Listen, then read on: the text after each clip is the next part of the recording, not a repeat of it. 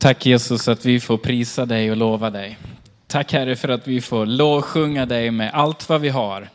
Med fioler och cello, bas. Vi får, vi får ära dig med piano, våra röster. Herre, vi vill ge dig det vi har Herre.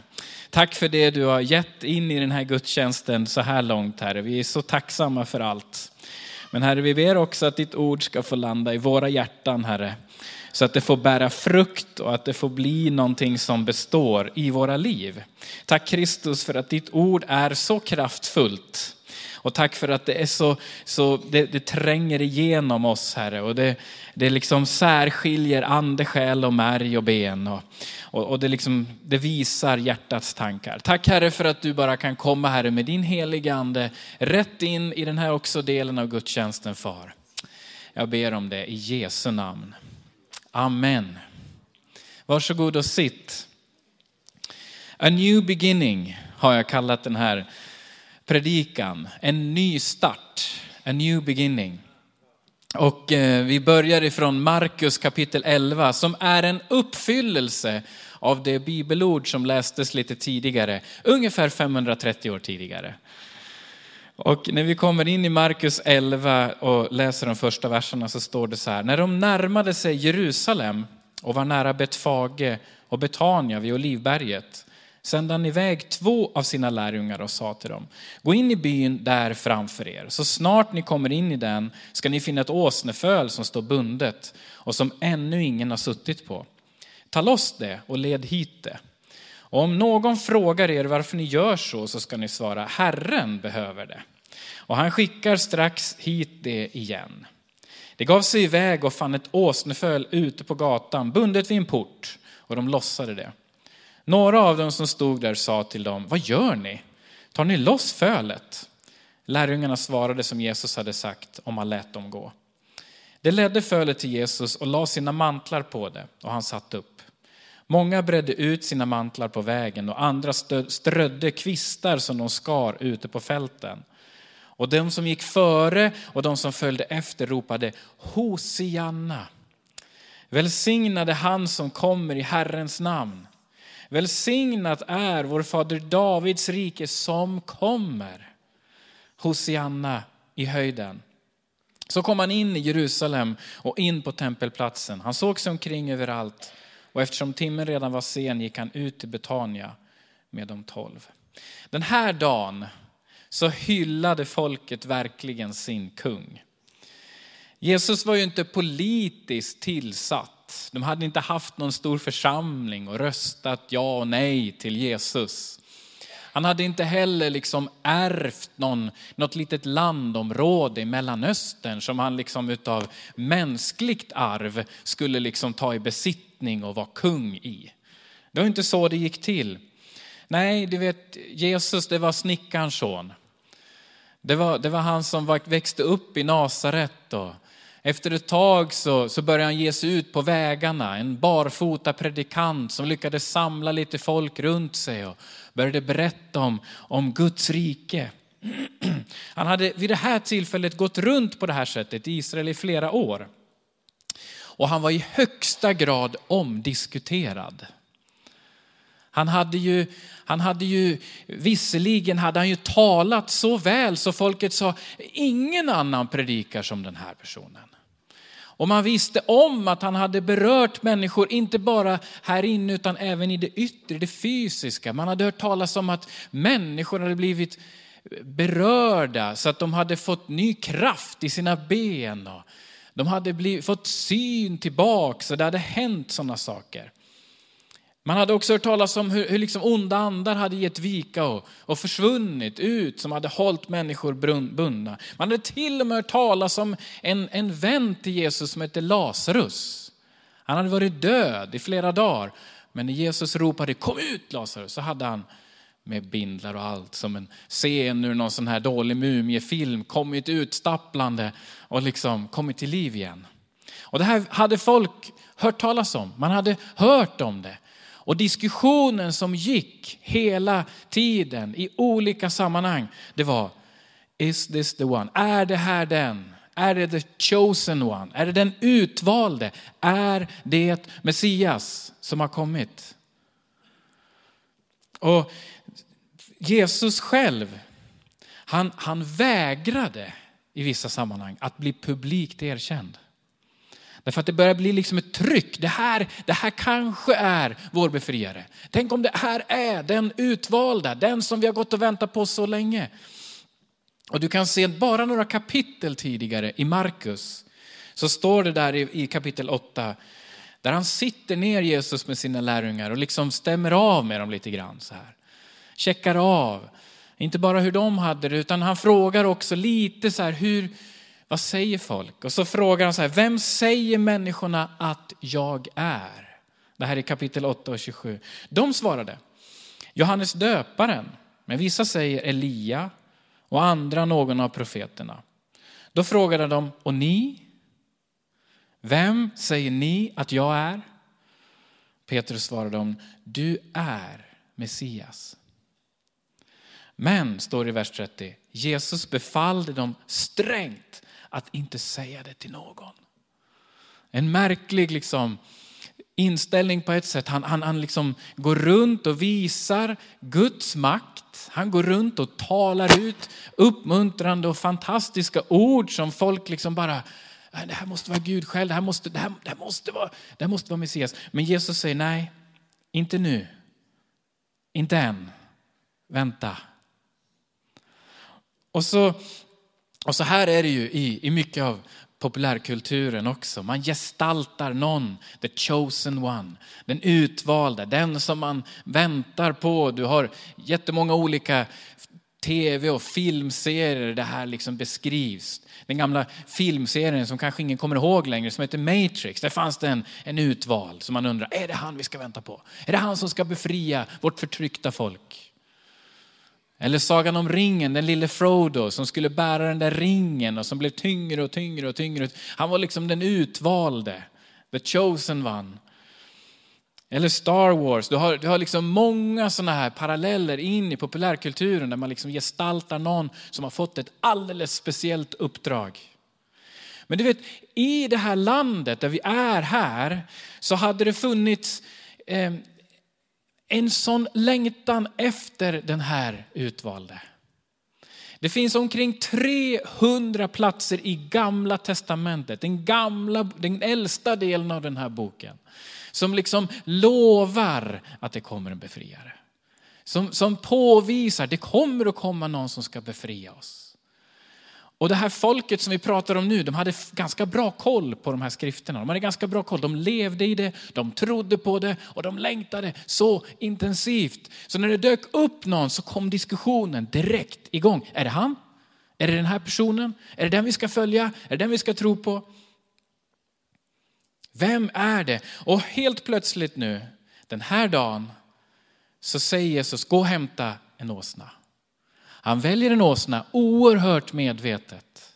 Därför att en kung kunde demonstrera precis vad han kom med för budskap. Jerusalem kallas också faktiskt för fredens stad och han väljer fredens och fridens djur. Han väljer åsnan. Han tar inte den vita hästen som är liksom kriget och den förtryckande maktens symbol, utan han väljer en åsna. Och så börjar han rida in i Jerusalem, Jesus. Och så är det som att så många människor, det knäpper till i huvudet och de bara tänker, det är han. Det är den utvalde. Nu kommer kungen, nu kommer vår fridskung. Nu kommer han för att befria oss. Och så blir det liksom ett enormt tryck i Jerusalem. Det, det blir liksom en, en, en, en sån längtan, vår nationella skam är över. Vi kan bli befriad från romarmakten. Vi kan få tillbaks vår stolthet, vi kan få tillbaks vår glädje i vårt folk. Och man börjar liksom ropa allt vad man kan. Man lägger ut mantlar så han kan rida på dem, man skär kvistar som liksom var en hyllningssätt. Och så är det som att hela stan kommer på fötter och ropar, heja, heja Jesus. We have a new beginning. Det fanns en sånt tryck här i den här stan under den dagen. Och Jesus låter sig bli hyllad som konungars kung och herrarnas herre.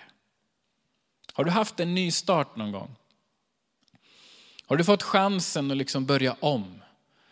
Chansen att liksom dra ett streck över det som var Det kan vara så många olika situationer som man ibland kan uppleva att nu behöver jag en ny start. Det kan vara en arbetsplats, det kan vara en ny skola, det kan vara ett nytt boende. Och det kan vara så olika saker som man behöver komma till eller ifrån. Det kan vara en chans att bryta sina egna mönster över hur man har agerat på den gamla platsen. Kanske att man kan sluta humma med när grannar och arbetskamrater kommer igång med vad som är så besvärligt. Om man egentligen skulle vilja säga något annat, men det går inte. Man känner inte att man kan, utan man hummar och glider med. Och det här kan gnaga. Det är bara en sån sak som kan gnaga i ett liv, hur man liksom har anpassat sig för att passa in. Och ibland kan man behöva en ny start. Jag kommer själv ihåg när jag gick ifrån högstadiet i skoltiden till gymnasiet. En ny start. Högstadiet hade varit en ganska tuff tid, en ganska besvärlig tid. En, en tid som bara, ja, mycket ont i magen i bussen till skolan, mycket bråk i klassrummen och mycket lärare som var arga och, och, och det där liksom återkommande, åka måndag, tisdag, onsdag, torsdag, fredag. Och, det, var, det, var liksom, det var ingen rolig period i mitt liv. Men gymnasiet blev en sån förändring. Jag fick nya vänner, folk som resonerade på ett lite annorlunda sätt. Jag fick till och med en kristen klasskompis. Vi kunde starta en bönegrupp på skolan. Det blev för mig också en, en, en liksom ny blomning i att jag inte behöver hålla min Kristus här så liten som möjligt så den inte syns. Utan en möjlighet att få berätta, en, en, en, ny chans att liksom stå för någonting, att, att sprida någonting, att, att liksom dela någonting. Och för mig var det, en, var det en fantastisk tid att gå från det, det var som natt idag. Var, allt blev bättre utom betygen.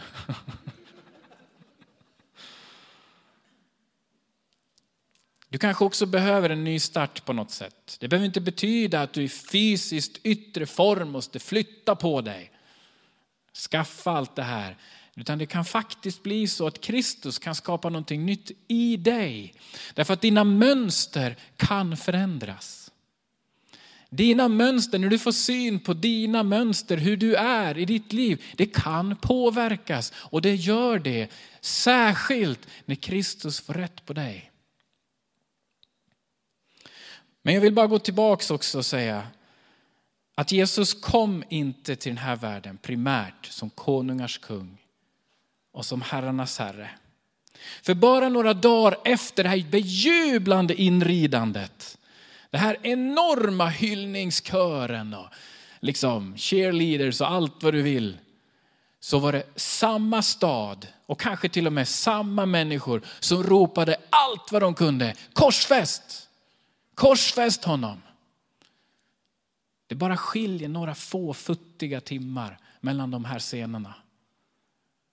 När Jesus står inför folket igen och de bara skriker. Ni måste korsfästa honom. Byt ut honom mot den där mördaren. Byt ut honom. Honom vill vi inte se. Hade han gjort något dramatiskt däremellan? Nej, ingenting särskilt stort på det sättet hade hänt. Men du vet, i folks opinion kan det svänga fort en förhoppning om någon som ska kasta ut romarriket och som inte gör det på tre dagar. Korsfäst honom, ta bort honom. Och Jesus, han gjorde det här med flit. Han kom inte för att upprätta ett mänskligt rike. Han kom inte i första hand för att israelerna skulle få tillbaka sin nationella identitet och ta bort skammen. Han kom inte för ett folk på en plats. Han kom för dig och mig och hela den här jordens befolkning. Han lät sig inte lyftas upp som en enskild, kortsiktig och kortvarig kung. Utan han var en kung som kom för dig och mig i evighet.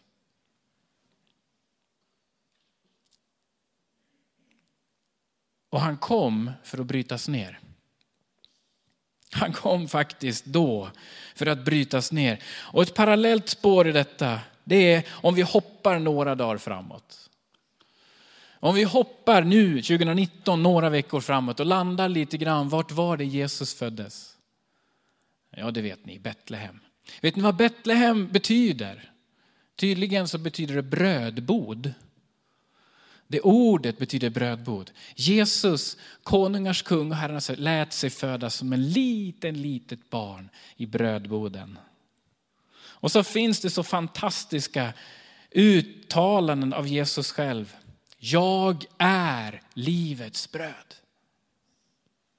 Här har jag tagit med ett bröd.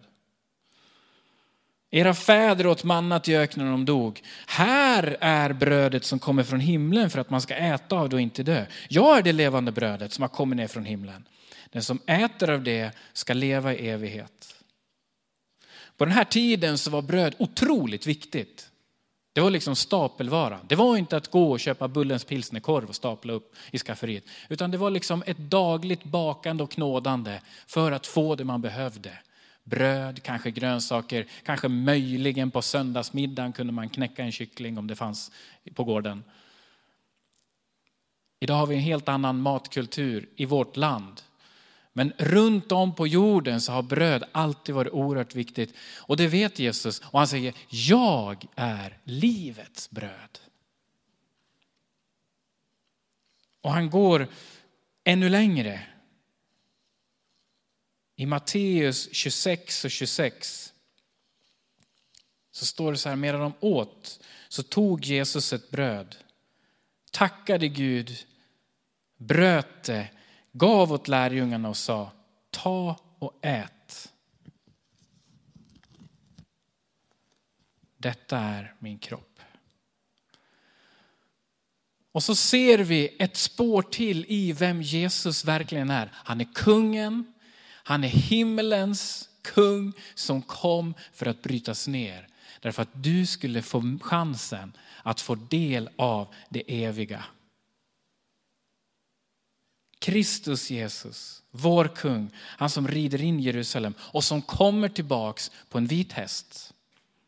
Vi har hållit på i november och läst i Uppenbarelseboken och där står det, han kommer på en vit häst. Han kommer med makt, han kommer med rätt att bestämma saker och ting. Men idag firar vi att han kom på fridens och fredens symbol. Han kom på åsnan. Och han kommer för att rida in här i Hedvigslundskyrkan och han kommer för att rida in i ditt och mitt liv. Han kommer med frid och han kommer för att ge av sig själv. Han är en kung som lät sig brytas ner och delas för att du skulle få del av honom. Det finns en möjlighet för dig min vän att få en förändring, en new beginning.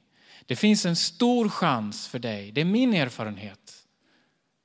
Och en rekommendation från mig det är att du öppnar ditt hjärta för Jesus Kristus.